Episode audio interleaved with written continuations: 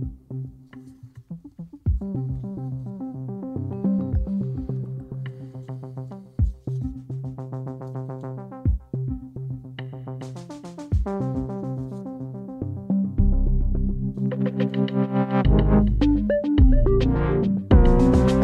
Solen er sådan så småt ved at stå op over København. To ældre herrer sidder foran studiet og drikker øl. Det tyder på, at klokken den godt kunne være syv, og det er den også her i en øh, uafhængig morgen. Godmorgen og velkommen til. I halvanden måned har en stor del af den danske sygeplejestand været i strække. Men på trods af det, ja, så har over 40 procent af danskerne ikke taget stilling til, om de holder med sygeplejerskerne eller ej, altså om de bakker op om strækken. Spørgsmålet er jo så, om sygeplejerskerne er gode nok til at strække, og om de er gode nok til at få deres budskaber igennem. Vi har gerne vil tale med DSR på det seneste om, hvor længe man egentlig kan holde strækken kørende. Altså, hvad er der eksempelvis i strækkekassen? Hvor længe kan man blive ved? Men de har stadigvæk ikke ønsket at stille op hele dagen i går. Prøvede vi faktisk at få et øh, interview i kassen i øh, dag. Så nu prøver vi, øh, nu prøver vi noget andet. Nu prøver vi at lave noget konstruktiv journalistik. Det skulle jo øh, angiveligt være så populært øh, i disse tider. Og derfor så har vi ringet til en ekspert, en historiker, der er ekspert i strækker. Og han er med øh, lidt over øh, halv otte til at tale om, hvordan sygeplejerskerne egentlig bedst øh, brænder igennem. Vi prøver så ligesom at give en håndsrækning og se, om vi måske kan få noget tilbage i form af et interview på øh, den måde lidt senere. Finansmanden Claus Riskær skal det også handle om i dag, for han er igen på banen med et øh, forretningseventyr. Og den her gang, ja, der er det øh, bogstaveligt gået helt i kage. Riskær har nemlig startet en brødkæde med fem butikker under navnet Bandanaz i Buenos Aires i Argentina. Og skal man tro finansmanden selv på øh, Facebook, så går det faktisk mere end øh, godt. Og så tænker du måske, hvorfor skal du høre det her? Hvorfor er det vigtigt? Og det ved jeg ikke. Men det er sjovt. Det er en sjov historie. Det er en sjov historie om en ekstremt entreprenant mand, der har fyldt meget i øh, erhvervsbilledet i Danmark, i det politiske billede. En mand, der simpelthen ikke giver op. Det er ikke breaking news, men vi ringer til Claus Riskær sidst i programmet, og så hører vi om det nye liv som bagermester i øh, Argentina. Først så skal det dog handle om øh, børnene i Syrien, der indtil for nyligt har været ekstremt pres på at få hentet hjem til Danmark. Faktisk så meget pres, at regeringen til sidst jo måtte foretage en øh, kovending og love, at de ville tage de danske børn hjem. Så kom der et øh, fodbold-VM. Vi begyndte at tale om de øh, afghanske tolke, hvordan vi kan hjælpe dem. Og så fik MeToo-bølgen også en tur mere i mediemøllen og i det politiske Danmark. Så spørgsmålet er egentlig, hvad der er sket med børnene i Syrien. Hvad, hvad er der sådan, hvad er det sidste nye i de politiske vinde? Det prøver vi at blive lidt klogere på lige om lidt. Men først så skal du svare mig på følgende, for det her det er spørgsmålet her til morgen. Skal vi overhovedet have de danske børn fra Syrien hjem? Skal de hjem til Danmark? Bland dig i debatten her på en uafhængig morgen. Som altid så fatter du din mobiltelefon. Du skriver DUA, D-U-A-H, øh, så laver du en mellemrum, skriver din besked, sender den afsted til 1245.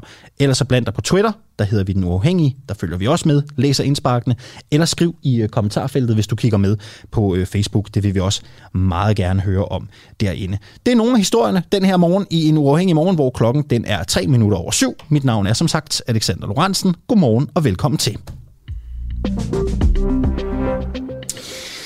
Under stor, stor hej, så vendte regeringen jo for cirka halvanden måned siden på en tallerken og annoncerede, at tre kvinder med dansk statsborgerskab og deres tilsammen 14 børn skulle hentes hjem fra Syrien. Sagen, sagen den var ved at koste udenrigsminister Jeppe Kofod sin post, men siden da, ja, der har der altså været øh, fuldkommen øh, stillhed. Der har ikke været talt meget om den her sag, i hvert fald ikke i det offentlige rum. Øh, og det er jo lidt sjovt, øh, når man tænker på, at øh, blandt andet enhedslisten helt tilbage i marts erklærede, at det jo hastede med at få øh, de her øh, syriske børn hjem. Godmorgen, øh, Eva Flyvholm, og velkommen til. Godmorgen. Udenrigsordfører i uh, Enhedslisten. Uh, Eva, opdater os lige, hvad, hvad sker der i, i den her sag? Vi hører jo ikke meget. Hvad er, hvad seneste nyt? Jamen det, der sker lige nu, det er jo, at der bliver arbejdet på, øh, hvordan man kan få øh, de børn hjem, øh, og, og også deres, øh, deres tre mødre. Ikke? Øh, at det tager lidt tid, det er sådan set, øh, det, det har vi godt vidst fra starten, at det, det ville komme til at tage lidt tid.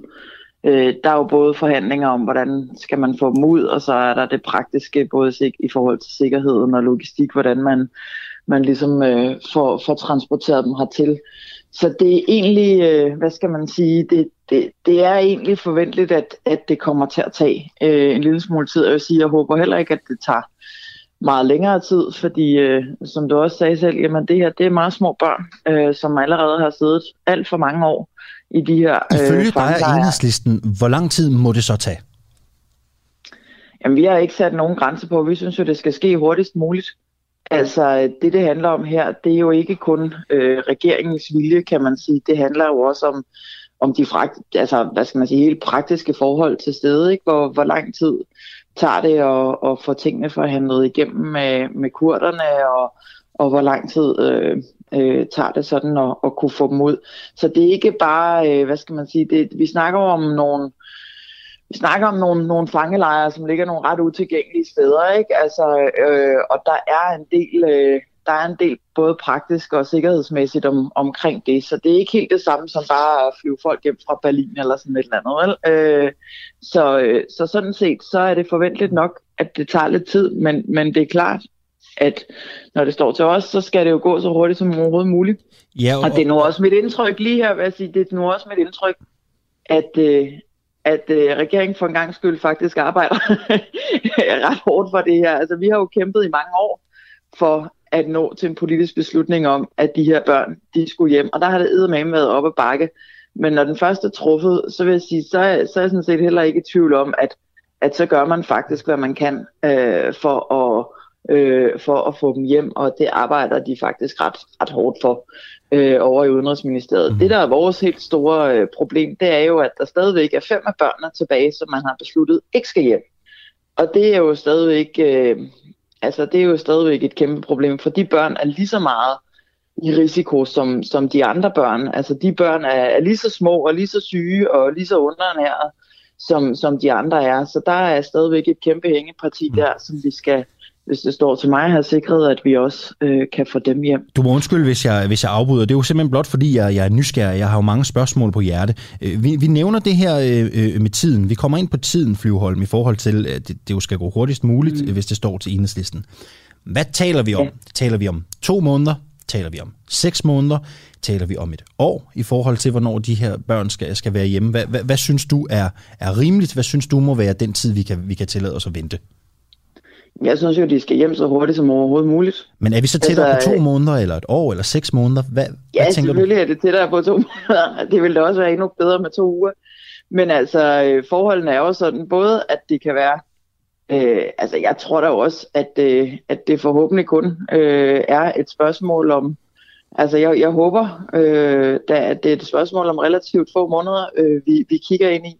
Men, men den ene ting er, at det kan være lidt svært at sige det præcis. Det andet er, at selvom jeg vidste, så kunne jeg ikke øh, stå i radioen og sige præcis hvornår, mm. fordi der er altså også noget omkring sikkerheden i det her, mm.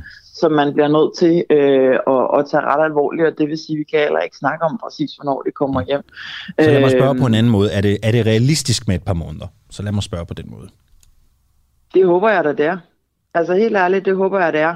Vi har set, at der er nogle af de andre lande, hvor det har taget over et år øh, og få, få de børn hentet ud. Øh, det håber jeg ikke bliver tilfældet fra, fra, fra dansk side. Altså jeg håber, det kommer til at gå hurtigere, og jeg håber det også især, fordi at, øh, at vi faktisk ved nu, det er jo også en dialog, vi jo for enhedslisten også har haft med kurderne, vi ved jo også, at de også er interesserede i at afvikle de her øh, fangelejre så meget som overhovedet muligt, fordi det er rigtig hårdt for dem og holde dem kørende. Øh, hvad hedder det?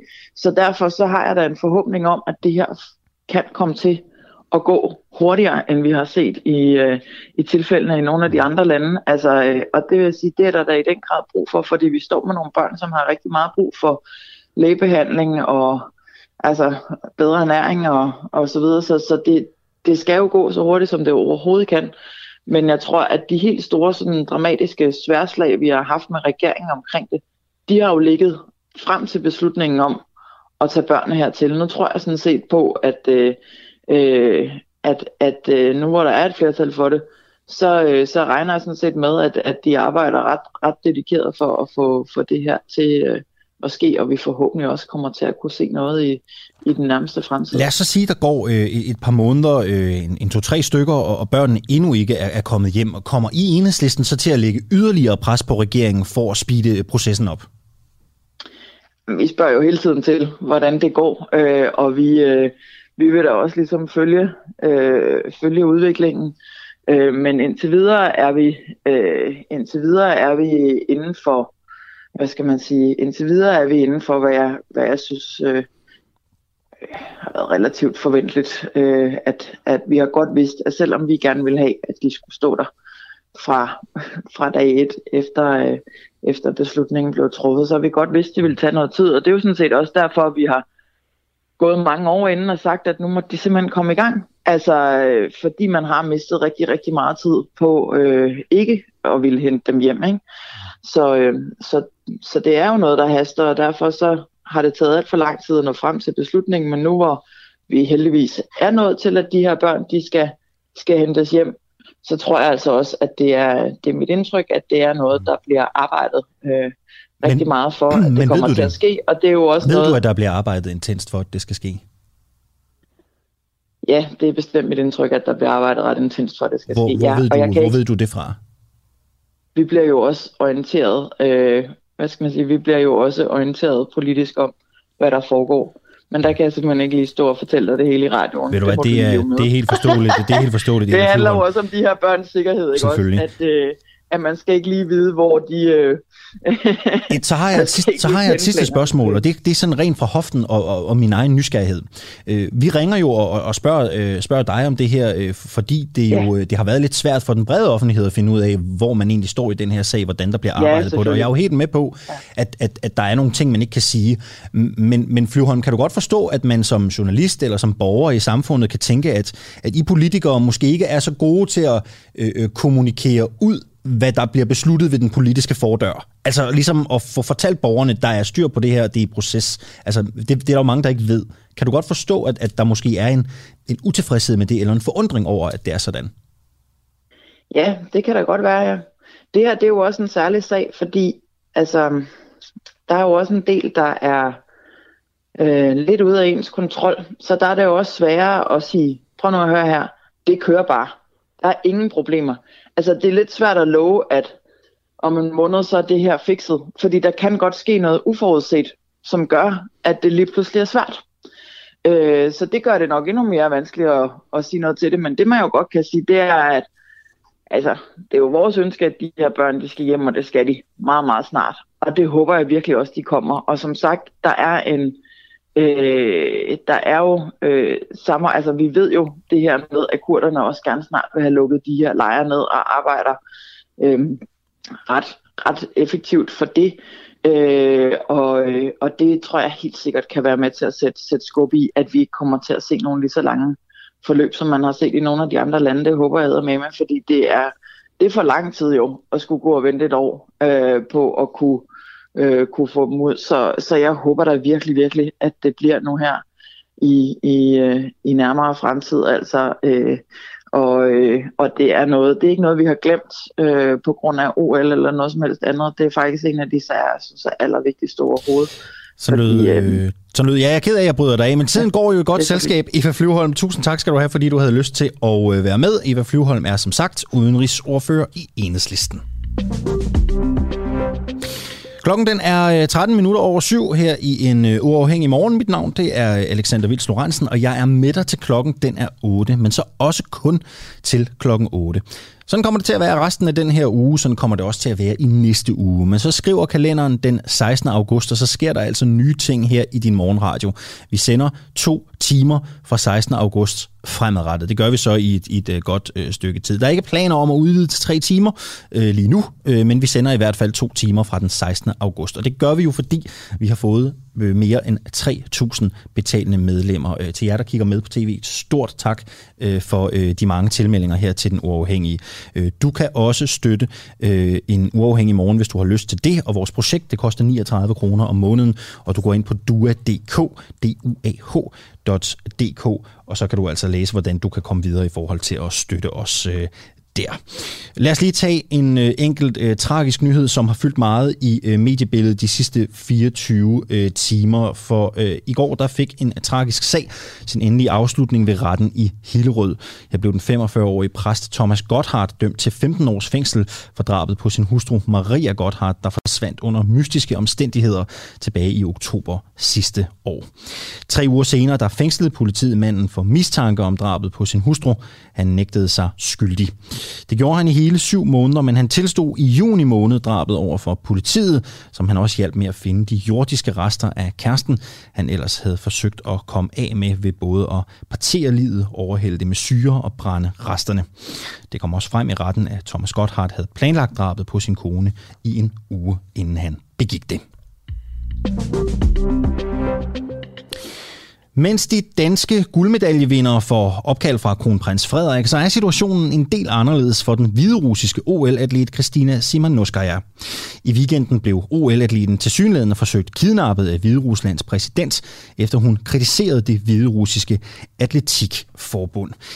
Det her det er jo en fascinerende historie, en forfærdelig historie, vil man jo nok også sige, når man bor i den her del øh, af verden. En øh, historie, der bekræfter en øh, tendens om horrible forhold i et, øh, i et land, øh, hvor øh, ting bliver grusommere og grusommere og mærkeligere og mærkeligere, i hvert fald hvis man ser det med vestlige øh, briller. Vi skal dykke lidt ned i den her sag, og det skal vi sammen med dig, øh, Jonathan Schacht Halling Nielsen. Godmorgen. Godmorgen. Du er Hvideruslands øh, kender, meget brugt Hvideruslands kender i danske medier. Du har studeret og rejst i Hviderusland, og du følger situationen i landet tæt. Lad os lige gå tilbage til weekenden. Hvad skete der egentlig med Simanovskaya? Jamen, øh, hun var tilmeldt øh, to konkurrencer, øh, 100 meter og 200 meter løb for kvinder, øh, og så tilmelder hendes træner hende øh, 4 gange 400 meter stafet. Øh, og det skriver hun på Instagram, og hun synes er uprofessionelt og forkert, det var hun ikke trænet til.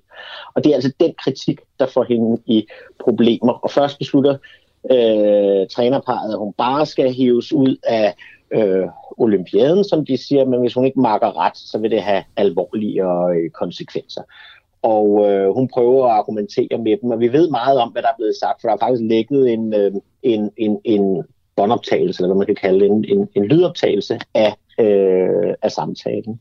Men det ender altså med, at, øh, at, at de forsøger at presse hende øh, til at tage med dem øh, hjem øh, til, til Belarus, men det vil hun ikke, og hun rækker ud efter hjælp dels hos en belarusisk støtteorganisation for sportsfolk, og dels da de så kommer til øh, lufthavnen i Tokyo, hiver hun simpelthen fat i øh, japansk politi og siger, at det her det er altså ikke fordi, jeg er bange for at blive sat af mit hold, det her det er fordi, jeg er bange for min sikkerhed. Og så slår japansk politi ring om hende.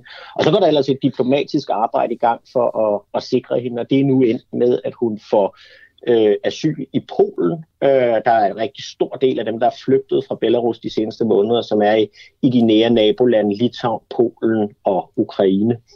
Øh, og øh, faktisk her i nat dansk tid, der, øh, der, der har der så været billeder af, at hun er, er, blevet kørt fra den polske ambassade i Tokyo til, til lufthavnen med henblik på at blive øh, fløjet til Polen i dag.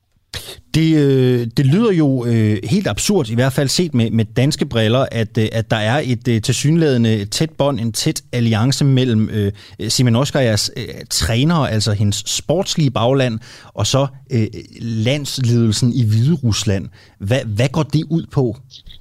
Jamen, en af de ting, man jo i hvert fald kan hæfte sig ved, det er, at lederen af, det belarusiske, af den belarusiske nationale øh, olympiske komité er øh, diktatoren Alexander Lukashenkos søn Viktor. Øh, og derfor kommer det jo hurtigt til at være være, være tæt på de besluttende øh, magter. Vi ved også, at, øh, at øh, Christina Timanovskaya er citeret for at have sagt, at hun har fået at vide, at den beslutning om at hive hende ud øh, er taget et højere sted i hierarkiet end i sportsministeriet. Og det betyder, at det er præsidenten eller hans, eller hvad skal man sige, diktatoren og hans familie, der har, der har øh, der har truffet beslutningen, eller andre højt op i hierarkiet. Det ved, det ved vi ikke, men, men det er næppe sket uden øh, diktatorens øh, hvad skal man sige, medvirken på den måde, at det her jo har kastet internationalt øh, søgelys mod Belarus er der engang. Øh, og, øh, og, og, og, og derfor må man formode, at, øh, at han selv har en hånd i det. Hvorfor skulle hun kidnappes? Hvorfor skulle hun hjem? Jamen det skulle hun, fordi hun havde ytret denne her øh, kritik af sine træner, og, og udviklingen i Belarus har været voldsom. Øh, det har den været siden valget øh, sidste år, øh, altså for faktisk præcis et år siden. Øh, men det har den faktisk især været her hen over sommeren, hvor der er sket en stærk øh, ensretning af det belarusiske samfund. Øh, det har vi set ved, at alle uafhængige Øh, journalister er blevet øh, jagtet i landet. Øh, der har været i juli over 60 rensagninger mod øh, uafhængige journalister, enten i deres private hjem eller på deres arbejdsplads. Øh, over 50 NGO'er er blevet indstillet til tvangslukning af domstolene. Det kan være NGO'er, der har kritiseret regimet, menneskerettigheds-NGO'er, øh, journalisternes øh, fagforening, så den type forening. Men det kan også være ret uskyldige øh, ud fra en politisk betragtning NGO'er, foreninger, der arbejder for ordentlige vilkår for handicappede for eksempel. Men, men det hele tager, peger retning af et system, som slet ikke tillader, at der er alternative holdninger, øh, der udtrykkes i det offentlige rum, til det, der er den officielle. Vi skal tale lidt om, om Polen og øh, Simon Oskajas øh, fremtid der. Det vil jeg gerne tale med dig om lige om lidt. Mm. Øhm, du kan jo af gode grunde ikke vide svaret på det, jeg spørger dig om nu, men, men jeg vil alligevel spørge dig med grundet dit kendskab. Hvad var der sket med Simon Oskaja, hvis hun var blevet sat på det fly og var kommet hjem? Jamen især øh, jo mere hvad skal man sige, øh, tydelig hun har været med sin, sin kritik, øh, vil, vil sandsynligheden være steget for, at hun vil blive øh, fængslet. Øh, under alle omstændigheder vil hendes sportslige karriere nok have været øh, slut, øh, både i og uden for, for, for, for Belarus når jeg siger, at sandsynligheden er stor for, at hun vil blive sat i fængsel, så er det fordi, at siden valget i august sidste år, så har øh, 35.000 belarusere været tilbageholdt af, af politiet. Vi taler om et land med cirka 9,5 millioner indbyggere, så ganske voldsomt tal. Og øh, antallet af øh, politisk motiverede fanger har været stigende og stigende, og her for et par uger siden, der rundede vi 600 anerkendte øh, politiske fanger. Tallet kan muligvis være nogle gange øh, højere, fordi der er så mange fanger, hvis nærmere omstændigheder man ikke kender ret meget til. Men, men i skrivende stund er tallet altså over 600 politiske fanger. Så sandsynligheden taler for, at hun øh, vil have skrevet sig ind i rækken af dem. Og hvad sker der med politiske fanger i Hviderusland?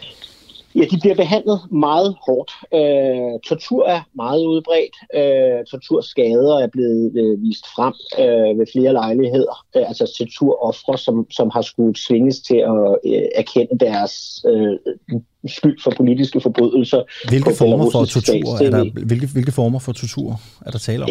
Jamen, øh, tæv er, er udbredt, men altså hvis vi... Øh, jeg ved ikke, om, om lytteren måske kan huske, at der var en sag med en journalist, der blev taget af et Ryanair-fly for nogle måneder siden, hvor flyet blev tvunget ned under, over belarusisk luftrum. Og han blev altså vist frem på belarusisk øh, tv med brækket næse og kvælningsmærker på halsen og øh, havde tydeligvis været spændt op i sin håndled i et eller andet, for der var i hvert fald øh, dybe mærker efter, efter ræb eller håndjern eller, eller lignende. Men, øh, men, men ganske, ganske brutal øh, behandling. Vi ved også, at øh, flere fanger er, er døde under, øh, under deres, øh, deres, deres ophold i belarusiske fængsler, af de skader, de har, har pådraget sig. Vi ved også, at øh, i en del af fængslerne, der bliver de politiske fanger udstyret med særlige armbind, øh, som skal identificere dem over for øh, for fangevogterne, sådan at de kan behandle lige præcis denne her fangegruppe øh, særlig hårdt. Vi ved også fra de beretninger, der er kommet fra fængslerne, at øh, coronasyge øh, fanger bliver flyttet mellem øh, celler, så de kan smitte flest muligt af de øvrige øh, fanger. Vi ved også fra billeddokumentationen af nogle af de store fængsler i, i Minsk, at øh, cellerne er overfyldt. Øh, folk sover på gulven. Der er ikke øh, madrasser eller linned, øh, sengelindet til dem, der øh, sidder indespærret. Så vi ved faktisk ret meget om, øh, om, om forholdene for de her mennesker, og de er øh, kummerlige. Nu er øh, Simon Oskar er jo så på vej til Polen. Polen er jo også et land, der med det etablerede Europa, øh, det internationale samfunds øjne, jo er en øh, nation, der øh, bevæger sig på kanten af menneskerettighederne. Hvor sikker er hun i Polen? Jamen, Polen, lige præcis i forhold til, til, til, til Belarus, så har Polen taget meget stærkt stilling, øh, hvad skal man sige, til fordel for de demokratiske kræfter. Så lige præcis på det her punkt spiller Polen faktisk en, en, en konstruktiv rolle i øvrigt sammen med, med nabolandet Litauen, som også har en, en, en meget stærk position på, øh, på, på Belarus. Så, så polakkerne vil strække sig langt for at, at beskytte den, øh, den, den belarusiske diaspora. Øh, det ved vi også, fordi at øh, der allerede er en del prominente øh, belarusiske oppositionsskikkelser i, øh, i Polen. Både politikere og journalister. Blandt andet stifteren af, af det her medie, der hedder Nekta, som, som ham, øh, der blev taget af Ryanair-flyet, også var tilknyttet. Og han, øh, han har politibeskyttelse, øh, mens han opholder sig i, øh, i, i, i Polen. Så, så vi ved, at Polen vil strække sig langt for at beskytte. Men spørgsmålet er, øh, om, øh, om man kan beskytte alle de her øh, belarusere, der er til stede, mod en Lukashenko, som ikke lader til at holde sig tilbage for at øh, gå ind i nabolande og lave øh, sanktioner, eller aktioner, undskyld, aktioner i de lande, efterretningsaktioner og, og andet, som bringer de her menneskers sikkerhed i fare. Så har jeg et kort spørgsmål øh, til sidst, øh, og, og det er også et, et relativt øh, kort svar. Tiden løber jo øh, for os, mm. Jonathan Schacht. Øh, det er jo ikke det eneste, der sker, øh, der, der bringer Hvide Rusland i, øh, i spotlightet lige nu. Øh, forleden så blev Vitali Shisov, der, der leder en NGO, der hjælper hvide russere med at flygte. Han blev fundet hængt i en park i, øh, i Kiev i Ukraine. Mm. Tror du, det var selvmord? Sandsynligvis ikke. Altså, så det, det ligner, at det er, øh, at det er et, en, en efterretningsaktion, øh, og sandsynligheden taler for, at det er belarusisk KGB eller et andet sikkerhedsapparat i, i landet, som, som står bag. Hængning, øh, fingeret hængning har tidligere været brugt øh, som en måde at komme af med regimemodstandere, og vi ved i øvrigt, at Øh, Øh, for nogle få år siden, der sprang der en bilbombe i Kiev, øh, som slog en kendt belarusisk øh, journalist ihjel. Og dengang øh, fandtes der optagelser af belarusisk KGB, der sidder og diskuterer, hvordan de kan slå den her journalist ihjel i udlandet. Så, øh, så den her type operationer er, om jeg så må sige, almindelige for øh, de belarusiske sikkerhedstjenester at gennemføre. Så lød det fra Jonathan Schacht Halling Nielsen som altså er øh, Hvide Ruslands kender, fordi han selv har øh, rejst og studeret i øh, landet, og jo også blevet en øh, Hvide Ruslands kender her i vores øh, program En Uafhængig Morgen, hvor klokken den er blevet cirka 3 minutter i øh, halv 8. En af de store politiske historier, som vi også lidt forsøger at få hul igennem til i dag, det er jo øh, selvfølgelig den store historie om, at Venstre har mistet en af sine helt store stemmeslugere. Det er Venstres klimaordfører Tommy Alers, der har forladt Folketinget. Det meldte han ud via en øh, pressemeddelelse fra Venstres pressetjeneste i går, og kort efter, der var det altså også en stor historie på hans egne sociale platforme. Årsagen til, at Alers forlader politik, ja, det skyldes ifølge ham selv, at han mener, at det er lettere at gøre en forskel uden for Christiansborg smure end indenfor. Og så mener han også, at hans kompetencer ikke matcher den måde, der bliver lavet politik på i dag. Alers han er, som jeg var inde på, en af de helt store stemmesluger i Venstre, og øh, hans afgang sammen med Inger Støjberg, Lars Lykke, Britt Bager og Markus Knudt betyder jo, at Venstre faktisk har mistet rigtig mange af dem, der høstede mange stemmer øh, under det sidste valg. Jakob Ellemann, han ærger sig naturligvis over Tommy Alers afgang, og han siger, at dansk politik har brug for flere som Alers, og ikke færre. Vi forsøger at få en af vores husvenner, eller en politisk kommentator, til at tale lidt om, om den her sag i dag. For spørgsmålet er jo, om det Tommy Alers siger er sandt. Det kan det jo godt være. Det kan jo være en følelse, han selv går med. Men spørgsmålet er jo også, om Alers har startet forkert i politik. Han startede jo som minister og blev hentet ind, og lige pludselig sidder man i opposition og skal jo selv til at deltage i samråd, skrive øh, paragraf 20 spørgsmål, øh, deltage i udvalgsmøder. Det der hårde øh, rubrødsarbejde. Jeg kan godt egentlig tænke os at høre lidt om det lidt senere. Det ser vi, om vi ikke kan få hul igennem til. Kan man som forbruger overleve, hvis man boykotter alle varer fra øh, Kina? Hvis jeg kigger på meget af mit tøj og mange af de remedier, jeg har derhjemme, øh, så vil jeg umiddelbart selv tænke, nej, der er rigtig meget, der er lavet i Kina. Spørgsmålet det er aktuelt, fordi informationsjournalist og oversætter Nils Ivar Larsen øh, har skrevet et indlæg i øh, Information, hvor han plæderer for et boykot. Han siger i hvert fald, at han selv vil boykotte alle produkter fra Kina. Spørgsmålet er jo, om det overhovedet kan lade sig gøre. Nils Ivar Larsen, godmorgen. Godmorgen. Jeg har aldrig spurgt en anden mand om det her, men jeg prøver alligevel. Hvad har du egentlig på lige nu? Uh, ja, altså, mm, jeg har en skjorte fra Sand, og ja, så sidder jeg faktisk i uh, underbukser, men jeg kan sige, det er ikke Calvin Klein underbukser.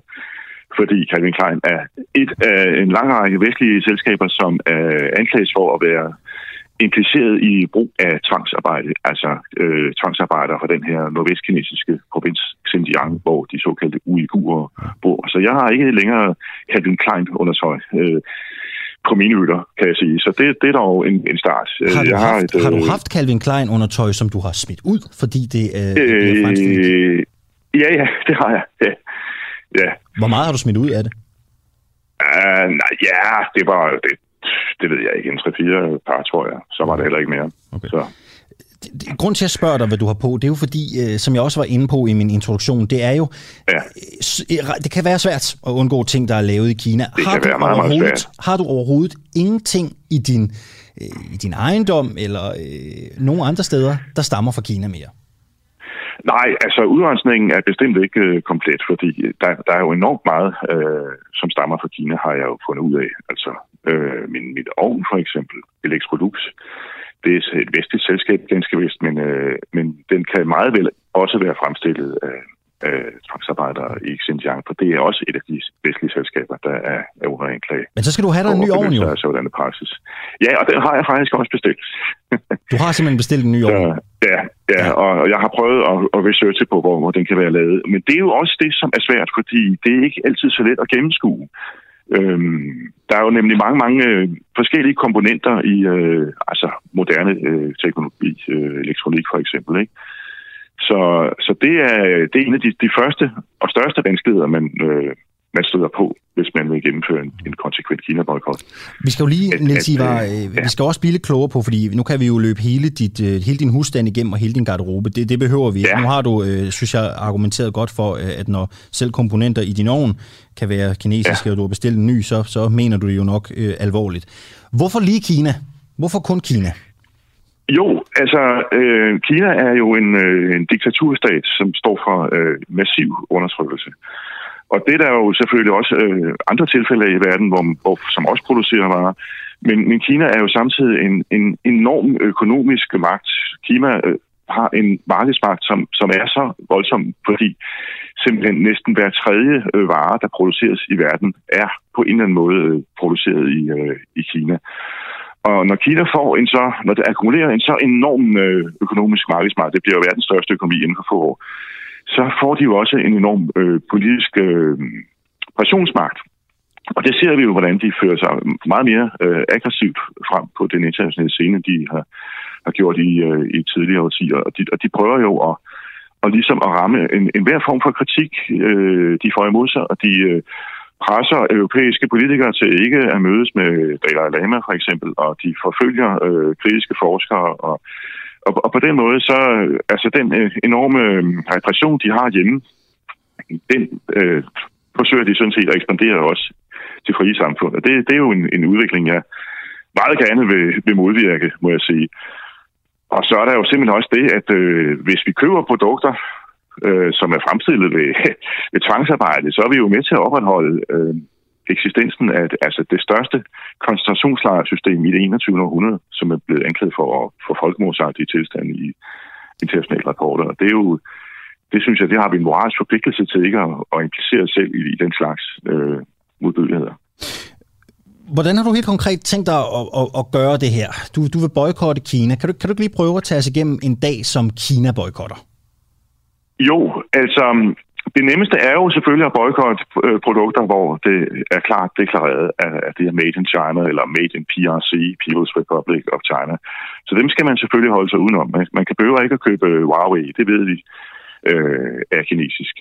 Man kan holde øje med, øh, nogle, øh, på nogle produkter er der jo sådan en, en stregkode, og hvis den starter med, øh, med 69, der er jo sådan en, et, øh, et, et ciffertal øh, nedenunder, ikke? Hvis det starter med 69, så, så skal man altså gå udenom det, fordi det betyder, at det er lavet i, øh, i, i Kina, ikke? Hvis der står 69 Men ellers på er min- stregkoden, siger du? Ja, ja. Okay. Men ellers øh, så er, er min metode har hidtil været at, øh, at researche på, øh, på internettet, så vidt det nu lader sig gøre. Og det er ret tidskrævende. Men der kan man altså finde ud af meget øh, om, om, hvor øh, produkter egentlig kommer fra. Der er specialiserede øh, sites, forbrugersites, der, der prøver at, at tracke den slags. Så det, øh, det er altså et ret stort arbejde, øh, kan man sige. Ikke? Øh, det er også lidt et eksperiment, selvfølgelig, det her. Ikke? Det, det, er jo, det er jo også for at fortælle historien. Altså, det er jo ikke, fordi jeg på den måde er, er fuldstændig frelst og fanatisk heldig omkring det her.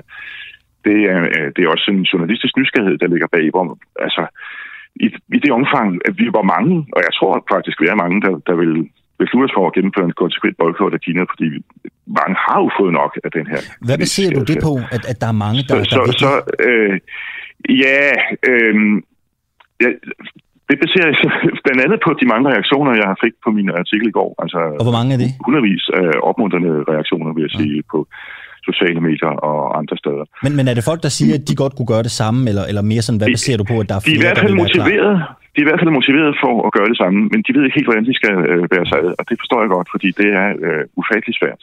En ting er jo, Ivar, øh, at det kan ja. jo... Øh, man kan sige, jeg skal ikke have en, en, en telefon fra Huawei, eller jeg skal ikke købe noget igennem den Nej. kæde. Der er jo mange supermarkedskæder, der for eksempel skriver, at de har udfaset øh, buræg. Øh, og så er der jo mange af os, der tænker, fedt, jeg går ind og køber en, en Marsbar, så er, der ikke, øh, så, er den ikke, så er der ikke brugt buræg i den. Men det er der jo, fordi det er, jo, det, det er der jo mange steder. Ja. Ikke? Nu ved jeg ikke lige om konkret om, om, om Mars øh, bruger buræg. Det skal jeg ikke skyde med skolen. Nå, men, der vi kan tage et, et andet eksempel. Der er vel også mange skjult i Kina. Altså, ja, ja. ja netop præcis. Altså tag nu bare for eksempel øh, ketchup, ikke? En meget, meget stor del af Kinas tomatproduktion kommer fra, fra Xinjiang, den her provins, ikke? Og, og de eksporterer øh, næsten 80 procent af det, blandt andet til Italien. Og så, øhm, og det er ikke altid lige til at gennemskue. Hvis du nu køber en eller anden italiensk øh, pastasauce, du tror måske, det er en eller anden autentisk italiensk mamas gamle opskrift. Det kan også godt være, det er det, men øh, tomaterne deri, altså råmaterialet, det kan faktisk være xinjiangske slaver, der har, der har høstet dem, ikke? Så hvad i verden stiller man op? Altså, det, øh, ja. Mener du, øh, at vi... Øh, nu, nu, nu boykotter du jo øh, Kina. Mener ja. du, at Danmark 100% politisk skulle boykotte Kina? Jeg vil i hvert fald sige, at vi bør øh, boykotte virksomheder, som, som klart kan knyttes til, til menneskeretsovergreb. Hvilke? En, en 100% boykot af Kina, det, det vil jo næsten være at rulle 40 års globalisering tilbage. Det, det tror jeg bestemt ikke kan lade sig gøre fra, fra den ene dag til Men den anden. Hvilke, det virksomhed, også... hvilke virksomheder skulle vi så boykotte? Ja. Ja, altså der, det, der er jo en, øh, øh en, en rapport fra øh, et australsk øh, forskningsinstitut, der har udpeget øh, 86 øh, vestlige og multinationale virksomheder, som, øh, er, som de anklager for at bruge øh, tvangsarbejdere. Så dem kunne man jo i hvert fald starte med. Lad os få et par navne. Ja, det er øh, øh, blandt andet Volkswagen og Electrolux, som jeg øh, før nævnte, og så er det en, en række øh, tøjfabrikanter. Det er H&M og Abercrombie og Fitch, og det er ja, Calvin Klein, som jeg før nævnte. Nu har jeg ikke, ikke lige øh, alle mm. navne i hovedet, men altså det er en meget, meget øh, lang liste, og det er alle sammen meget velkendte brands. Så du mener... Øh, der, er også, der er også sportssko som Adidas og, og Nike, for eksempel, altså nogle af de allerstørste mærker i, inden for, for sportsbeklædning. Så her, her til sidst, øh, du må undskylde, det er simpelthen ja. bare fordi, jeg, jeg er nysgerrig. Jeg synes, det er spændende, spændende ja. tema her. Ja. Øh, så du mener måske, øh, det synes jeg i hvert fald det, jeg hørte dig sige, at næste gang staten eller de danske kommuner skal forny deres bilpark, så burde de boykotte Volkswagen? Det vil være øh, oplagt at gøre, ja. Altså, ved Volkswagen er der jo den, den særlige, øh, hvad skal man sige, øh, historiske gro i det, at øh, firmaet blev øh, oprettet under nazismen i øh, 30'erne, og de brugte tvangsarbejdere. Det gjorde de altså under 2. verdenskrig, ikke? og nu gør de det så igen. Det synes jeg jo er, er, er, er hæsligt, altså. Det må jeg sige. Og så kommer der jo også en masse øh, kinesiske øh, nye mærker indover. Måske så du øh, VM under slutrunden på tribunerne, var der reklamer for noget, der hed øh, Hisense. De fremstiller køleskabe, de fremstiller fjernsyn, øh, ret gode faktisk, og, og, og meget billigere sandsynligvis end deres konkurrenter, men det er altså også et firma, der fremstiller overvågningsteknologi og som er med til at, at gøre Kina til et af de uh, tættest overvågede uh, altså masse overvågningssamfund i verden. Det er jo nærmest sådan uh, et uh, Big Brother-samfund, uh, et dystopisk samfund, der er, er, er allerede er en realitet derovre. Så det uh, vil jeg så også anbefale, at man ikke køber, vil jeg sige. Så lød og gør vi det, fra, så er vi med til at skubbe til den udvikling. Så lød ordene fra øh, Nils, øh, ja. så lød ordene fra øh, Nils Ivar Larsen, som altså er øh, journalist og Kina-boykotter øh, fra information. Klokken den er øh, cirka 20 minutter i 8, og vi har faktisk fået en øh, besked fra René Bigum i forlængelse af det her interview, vi lige har lavet med Nils Ivar. Han skriver, boykot af kinesiske varer kan ikke ske uden politisk indgriben. Det er alt for kompliceret for forbrugerne at regne ud, hvad der er produceret hvor. Øh, Danish design lader til ofte at være made in China. Men tanken er relevant, da vi jo direkte støtter et diktatur, som på grund af os forbrugere nu er verdens største økonomi, og dermed har en hel del at skulle have sagt på verdensplan efterhånden. Det skal vi enten betale os fra, eller vende os til, skrev René Bigum. Og husk, du kan altså også altid øh, deltage i, i øh, debatten, kommentere på de historier, vi har her i en uafhængig morgen. Det gør du enten ved at sende en sms, øh, ved at fatte din telefon, så skriver du DUA, laver et mellemrum, kommer med din og sender den afsted til øh, 1245. Ellers så kan du altså også blande dig på Twitter eller på vores Facebook under øh, livestreamen. Øh, vi har jo øh, i lang tid forsøgt at få fat på Dansk Sygeplejeråd. Vi kæmpede hele dagen i går faktisk på at få en interviewaftale i hus. Vi er jo lidt nysgerrige på den her strække. Ikke? Altså, den har kørt i halvanden måned. Hvad er egentlig strategien bag? Hvor længe kan strækken blive ved? Hvor længe er man villige til at blive ved? Det vil vi gerne have talt med DSR om, men de har altså ikke svaret på, øh, vores, øh, på vores henvendelser. Og øh, det synes vi jo er en, en, en lille smule mærkeligt. Altså, vi har forsøgt at få dem ud af busken, og, og hvis der er nogen, der sidder og lytter med øh, øh, fra DSR, eller nogle sygeplejersker for den sags skyld, som har lyst til at give deres besøg med, jamen, så skriv ind til os. Altså, nu nævnte jeg lige adressen for et øjeblik siden. Vi vil rigtig gerne blive klogere og, og tale om den her sag. Øh, telefonerne er åbne, mailen er åben, Twitter er åben. Fyr den af, og så vil jeg jo rigtig gerne tale med, med nogen i, øh, Øh, i morgen. Og spørgsmålet er jo, om sygeplejerskerne er dårlige til at strække om de simpelthen er for dårlige til at få deres krav igennem, om det er derfor, det her varer så lang tid. For selvom sygeplejerskerne har strækket i halvanden måned nu, så ved over 40 procent af danskerne faktisk ikke, om de er for eller imod strækken. De ved simpelthen ikke, om de er med sygeplejerskernes krav eller ej. Godmorgen, René Karpanthoff.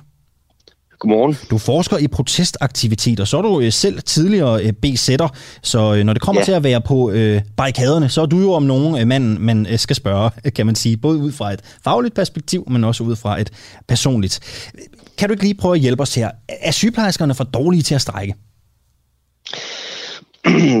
det øh, synes jeg nu ikke. Altså, de øh, gør jo meget af det, man skal, men der er jo altid også en øh, modpart, og der er også altid en øh, aktuel øh, situation, altså en øh, kontekst, kan man sige, rundt om enhver konflikt, øh, som er med til at bestemme, om det er nemt eller svært at øh, få sin krav igennem. Og hvad, hvad er det, der er omkring konteksten lige nu? Hvad er det, der kan gøre det svært for sygeplejerskerne? Jamen altså, det er jo, øh, hvis de skal øh, have succes, så øh, skal de jo i sidste ende påvirke deres modpart til at øh, øh, bøje sig for kravene eller acceptere kravene, og, og, og modparten er jo sådan lidt blandet her, øh, øh, regioner og lokalpolitikere i kommuner, og så i sidste ende regeringen, som, øh, som øh, sygeplejerne også prøver at øh, få til at gribe ind. Og, øh, og de øh, regering øh, lige nu er øh, måske ikke lige så lydhør, som de nogle gange er. Og det, det, der er vanskeligt for, eller noget af det, der er vanskeligt for sygeplejerne, er jo at øh, få den her dagsorden til at være sådan et brændende øh, emne, som regeringen bare må og skal forholde sig til. Øh, og det kan jo være svært, når der er øh, sommerferie og fodbold og alle mulige andre ting, som... Øh, som gør, at øh, det, det er lidt nemmere for politikerne måske at øh, lade være med at tage stilling til det her ubehagelige eller svære emne. Tror du, øh, det, er jo, det er jo en ren gissning det her, men, men tror du reelt, der kan sidde politikere og partier derude og sige, øh, det er sgu meget lettere at svøbe mig i et dannebrugsflag og tage en selfie og øh, lægge et billede op på de sociale medier, end at forholde mig til, hvad sygeplejerskerne de gerne vil have i løn? Øh, det er jo aldrig til at vide, hvordan øh, andre tænker, men det er jo altså sådan, at hvis øh, øh, nogle politikere, øh, hvad skal man sige, har, har bestemt sig for en politik, så vil de jo ikke umiddelbart øh, ændre på den, og, øh, og det ved man da, at øh, de, de har jo altså spindoktorer og andet, som, som overvejer, øh, hvordan partiet så øh, bedst kommer igennem med, med sin politik, uden at få skrammer i, i offentligheden, og hvis det er, at øh, aflede opmærksomheden, jamen så øh, er der, der mange partier, der, der gerne gør det. Men, øh, men altså, det, det er jo... Øh, det er jo noget, sygeplejerskerne må, må kæmpe med, øh, hvordan øh, man så kan gøre. Og, øh, fordi i sidste ende, så er alle partier, også, øh, og der er i særdeleshed socialdemokratiske øh, partier og regeringer, følsomme overfor, hvis de bliver beskyldt for at svigte, hvad skal man sige, det vi opfatter som velfærdsydelser og, og sygehusområder og sådan noget. Øh, og, øh, og der øh, kan man sige, øh, noget af det sygeplejerskerne så teoretisk set kunne gøre, er at udvide forsøge at få konflikten til at brede sig, altså ikke bare mellem deres egne og kaste flere øh, sygehus ind i konflikten, men også at få andre grupper med. Øh, det kan være øh, nu er, er patienter jo en, per definition en svag gruppe, men altså for pårørende grupper eller andre offentlige ansatte. Øh, vi har jo også haft lærere og pædagoger, som har klaget over øh, stressende arbejdsforhold eller øh, for lav løn, i hvert fald i forhold til ledernes lønstigninger i de senere år. Og øh, hvis konflikten på den måde kan udvikle sig til en dagsorden om, at øh, hvor er vores velfærdsstat på vej hen, og hvad gør regeringen øh, nu, når mange offentlige ansatte føler sig øh, svigtet osv. Altså hvis der kan udvikle sig sådan en dagsorden, som også øh, den borgerlige opposition kan byde ind på, eller måske regeringens støttepartier, jamen så kan... Øh, det godt udvikle sig. Altså så er det den slags, der måske kan udvikle sig til pres på, på regeringen og Socialdemokratiet, øh, så de bliver mere øh, lydhøre, kan man sige. Så nu taler du jo om øh, det, man øh, kunne kalde øh, public affairs for begynder, ikke? Altså at man skal udvikle en nichesag til en, til en folkesag. Er det, er det i virkeligheden udtryk for, hvad skal man sådan sige, dårlig politisk interessevaretagelse fra sygeplejerskernes side? Altså nej, der er jo ikke nogen øh, grupper, der øh, når de går i strejke øh, eller protesterer på andre måder, som er fuldstændig herre over, øh, eller bare sådan kan få situationen til at udvikle sig, som, som de ønsker. Der er jo selvfølgelig sådan nogle basale ting, som, som det jeg fortalte, men at få det til at ske i virkeligheden er, er bare ikke altid øh, så nemt. Og øh, i første omgang er det jo heller ikke nødvendigvis alle sygeplejerskernes tanke, at det skulle handle om sådan mere storpolitik og hele velfærdsstaten og sådan noget. Men, men deres umiddelbare øh, øh, strække handler jo om deres egne vilkår og få dem øh, forbedret. Øh, men, men når nu det ikke bare lige lader sig gøre ved at, at stille nogle krav til, til øh, regionerne, øh, jamen øh, så bliver de nødt til at tænke over, hvordan øh, kommer vi så videre herfra, og hvordan får vi udvidet konflikten eller lagt mere pres på, øh, på dem i den anden ende. Det er jo et godt råd, øh, Karpenscher, for vi vil jo gerne være konstruktive. Vi tænker, hvis vi giver sygeplejerskerne noget i form af tips til, hvordan de kan øh, komme godt videre i deres strækkeproces, så kan det være, at de giver et interview til gengæld. Det var, en, øh, det var et tip her med at, at, at tænke en større folkesag, tænke storpolitik i deres politiske aktivisme. Hvad har du ellers at bud? Jamen altså, øh, det, jeg, jeg, har, jeg har ikke så, så mange konkrete trylletricks, kan man sige. Øh, andet end at man skal, man skal tænke øh, grundlæggende på, hvordan dem i, i den anden ende øh, bliver, altså, hvad skal man sige, kan komme til at tænke, at øh, når, men det er bedre, vi, vi lytter til deres krav, end lader være, fordi hvis vi ikke gør, så øh, bliver det værre for os selv. Øh, og hvordan man opnår den situation, det, det er jo altid svært. Øh, nu er sygeplejer og, og andre offentlige ansatte, de, er jo også, de kan jo ikke gøre de samme ting, som vi kunne som, som besætter, eller som fagbevægelsen i perioder har kunne gøre med for eksempel at fysisk blokere forskellige virksomheder, og på den måde lægge pres på, på den enkelte virksomhed ved simpelthen at sætte produktionen i stå og sådan noget, som man historisk set nogle gange har gjort. Det, det kan man jo ikke gøre, øh, når man arbejder med, med mennesker og omsorg og, og pleje på samme måde. Så, så øh, det, det kræver en god del øh, fantasi at se, hvordan man så ellers skal opnå sådan nogle effekter med at og øh, brænde igennem i, i offentligheden. Men, men altså alt i alt, hvis man, det, det gælder om at, at lave en øh, situation, som, som modparten synes er, er øh, ikke er til at leve med, så øh, hvordan man lige gør det, det, det skifter lidt fra gang til gang. Denne her med givet videre, øh, René Krapenshoff, du forsker i protestaktivitet, ekstern lektor på Københavns Universitet, og altså til selv tidligere besætter. Tak fordi du var med her øh, til morgen. Og øh, så kan jeg jo sige, at vi har ikke bare i går, vi har siden søndag forsøgt at få Dansk Sygeplejeråd til at medvirke i et øh, interview her i radioen for at få en status på konflikten. Men det er altså ikke lykkedes Sygeplejerådet at finde en repræsentant, der har haft mulighed for at stille op hverken mandag, tirsdag eller i dag onsdag. Og derfor så siger vi altså nu, at vi vil gerne høre øh, fra sygeplejersker, der eventuelt skulle lytte med. I er altså velkomne til at skrive ind til programmet. Vi vil gerne tale med mig vi vil gerne tale med jer, og jeg vil gerne tale med jer i morgen i vores øh, program. Øh, skriv ind til os, send os en sms. Øh, skriv DUA, lav et mellemrum, sig hvem du er, hvad du har på hjerte, send det afsted til øh, 12.45, og så er du næsten garanteret en plads i radioen i morgen. Det vil jeg godt love dig. Klokken den er noget så øh, utjekket som 11 minutter i 8. Ikke 10 minutter i 8, men 11 minutter i 8. Og øh, nu kan jeg sige godmorgen til en af vores venner af programmet, Geomets. Godmorgen. Godmorgen. Geo, vi skal selvfølgelig tale om øh, den helt store øh, politiske historie inden for de sidste 24 timer, nemlig Tommy Alers, der har forladt øh, Venstre, Venstres meget populære klimaordfører, der har forladt Christiansborg, blandt andet med betragtningen om, at det jo er lettere at få ting igennem ude på den anden side af borgens mure, end inden for borgens mure. Nu spørger jeg dig, og så øh, kan du jo øh, gruble lidt over det.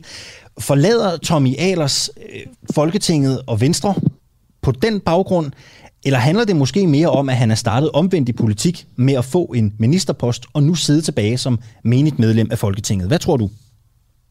Jamen, det tror jeg, du har det, det er et, et chok for folk, der bliver hentet øh, ind udefra til noget så øh, spændende som en ministerpost, hvor man har folk på alle fingre øh, til at gøre ting for sig. Det er jo et kæmpe apparat, man får som minister. Og så pludselig en dag, så er det overstået, så bliver man kørt hjem i ministerbilen, og så holder telefonen op med at ringe. Og så skal man selv klare det som folketingsmedlem, og det, det er et ret stort arbejde, så det tror jeg bestemt er en del af det. Mm. Mens du har... Eller en, en væsentlig del af det, sikkert. Du, øh, du, du kan jo ikke nødvendigvis vide det med sikkerhed, og det, og det er der jo mange af os andre, Nej. der heller ikke ved. Men hvad er det... Øhm, kan du prøve at beskrive, hvad, hvad er sådan en, minister har jo en ministersekretær, en særlig rådgiver og et helt departement til at hjælpe en. Hvad, sådan livet for et menigt folketingsmedlem, hvad, hvad, hvad, hvad går det ud på?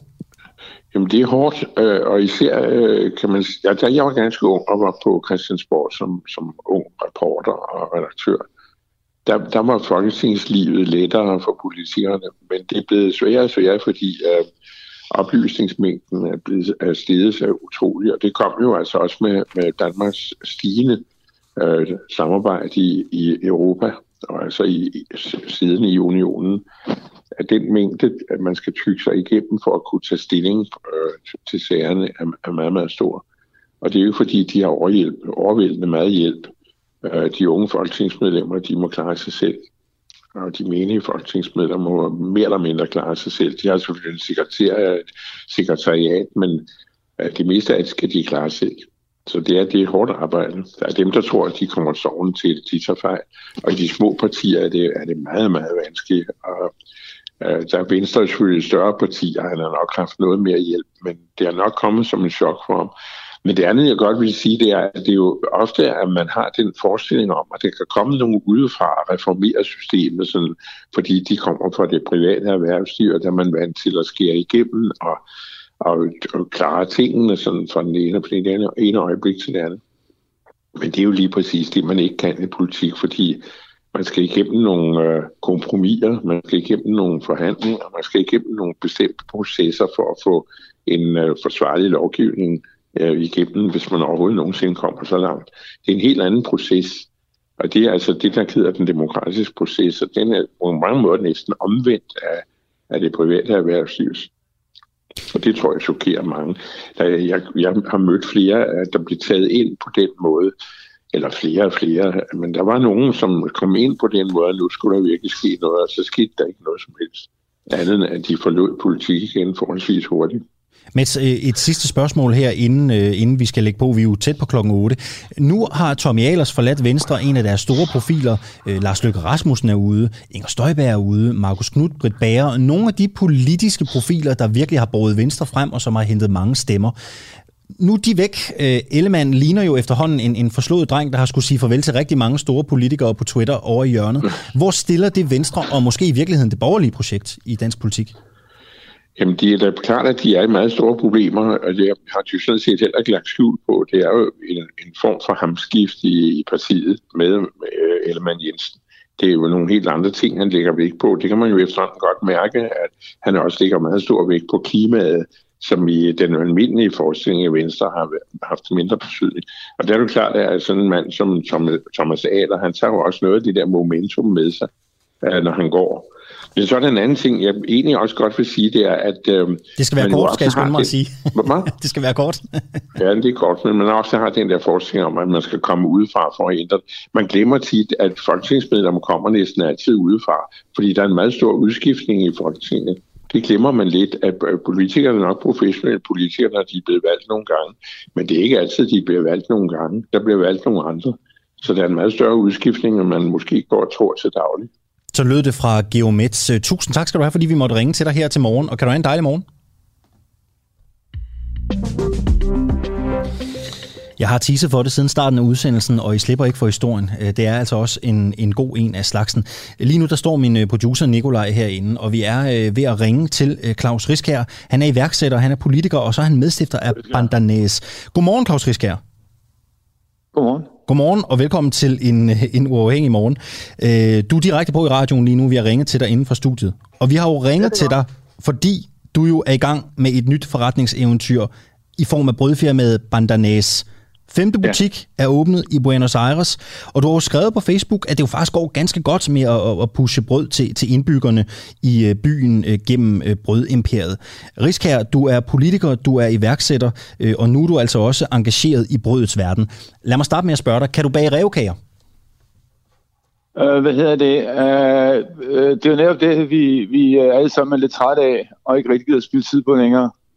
Så derfor så øh, går jeg jo også ved at arbejder med den rigtige verden, ikke? Og, og der bruger, har vi har vi ikke så meget tid til det, som interesserer politikere og journalister. Øh, der hvor jeg er, der hvor øh, Tommy Ayers åbenbart også går hen nu igen, det er jo der, hvor vi faktisk laver noget, der forandrer tingene, og vi har ikke rigtig tid til at, at lave det andet længere, fordi øh, det er mere formen indhold, ikke? og der er ingen af os, der gider det. Hvordan kan det være, at du er sprunget ud i lige netop et, øh, et brødfirma? Hvordan kan det være, at interessen for, for det er kommet op hos dig? Øh, udviklingen, øh, innovationen kan ikke længere, har ikke rigtig nogen udviklingshøjde i den digitale verden, hvor vi har udviklet de sidste 30 år. Altså, det udvikler meget, meget marginalt i forhold til, hvad der allerede er. Så det er ikke noget naturligt sted at være for iværksættere og startupper. Så alle tror, at man kun kan lave innovation digitalt, men de har ikke forstået, at det er sådan set uh, last season, uh, de ligger og arbejder i. Uh, the new season, det er analogt. Uh, det er analog varer, analog produkter, og det er mere arme og ben, vi skal ud og arbejde med igen. Vi skal bruge uh, viden og forretningsmodeller fra den digitale verden, men i den analoge og taler grøn omstilling og green tech, så øh, vil en del af det også være betydeligt mere analogt teknologisk end digitalt. Men hvorfor lige brød, her? Det ligger der også arme og ben, ikke? og ingeniørkunst og muligt andet. Hvorfor lige brød, du kastede din, din kærlighed og, og jo også dine penge på? Jeg har ikke nogen kærlighed til brød overhovedet. Altså, jeg har bare udviklet en forretningsmodel, hvor at jeg har, skal sikre mig, at vi laver noget, der har lavet marginale produktionsomkostninger. Og det har du også i popcorn for eksempel. Men popcorn køber folk jo ikke tre gange om ugen. Det gør de med brød. Så dermed får du det, der hedder repeatable income streams. Det vil sige, at du får altså faktisk den samme kvalitet, som du har i den digitale verdens værdiansættelser. Nemlig lave marginale produktionsomkostninger og gentagende salg. Og det kan du stort set kun få i brød, og så kan du få det i en række mejeriprodukter, så er betydeligt mere kompliceret at producere end brød. Så det, der er lavet, er bare en benhård kalkulation af, at den analoge verden er, er hægtet af udviklingen i de sidste 30 år. Der ligger en masse ting, der kan udvikles, som ikke er udviklet, og hvor man kan gøre det smart, det er altså i, i brødet, og det er altså ikke sådan lavkagehusmodeller, hvor man sælger fashion, eller som i Joe Juice med fashion og lavkagehuset med serveringer og barista -kaffe. Hvad er det så for et koncept? Jamen, det er jo bare, at du skal servere, altså alting skal være, det, det, nu skal vi tilbage til teknologiens verden, det er de forretningsmodeller, vi bruger, keep it simple, keep it stupid, keep it cheap, og øh, det er præcis det, vi også gør. Altså væk med at skrælle alt ligegyldigt af. Væk med alting, der, der koster penge, som folk ikke gider betale for, der står i kø og vente på. Folk kommer ned for at få deres brød. Det skal være i en anden kvalitet, end de er vant til. Og det, vi laver koldhed surdagsbrød, det disrupter også den industrielle brødproduktion, som ikke kan omlægge til koldhævning, fordi koldhævning kræver massive investeringer i, i, i faktisk i teknologi. Ikke digitalt, men i teknologi. Har du Så man kan sige, at hvad der, hvad der er lavet, er sådan set bare at følge med tiden, og du har helt ret i, øh, ja, politik og så videre, og nej, jeg gider heller ikke, og så vil jeg ellers åbenbart heller ikke gad går, altså fordi alt, hvad der har med form at gøre, øh, det kan ikke udvikle sig så meget som indhold, og jeg er indholdsmand, jeg er ikke formmand.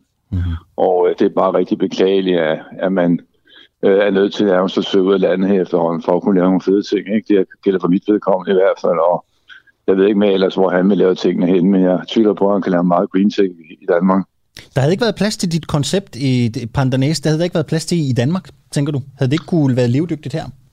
Nej, overhovedet ikke, fordi øh, igen er det scale, vi taler om, og en del af beskyttelsen af forretningsmodellen er jo ikke, at du bliver at du ikke kan disruptes meget enkelt og hurtigt af, af andre udbydere, og øh, komplikationen i at kunne løse sådan en ting som at levere frisk brød, der er frisk produceret og koldhed surdejsbrød, du leverer ud til dine outlets.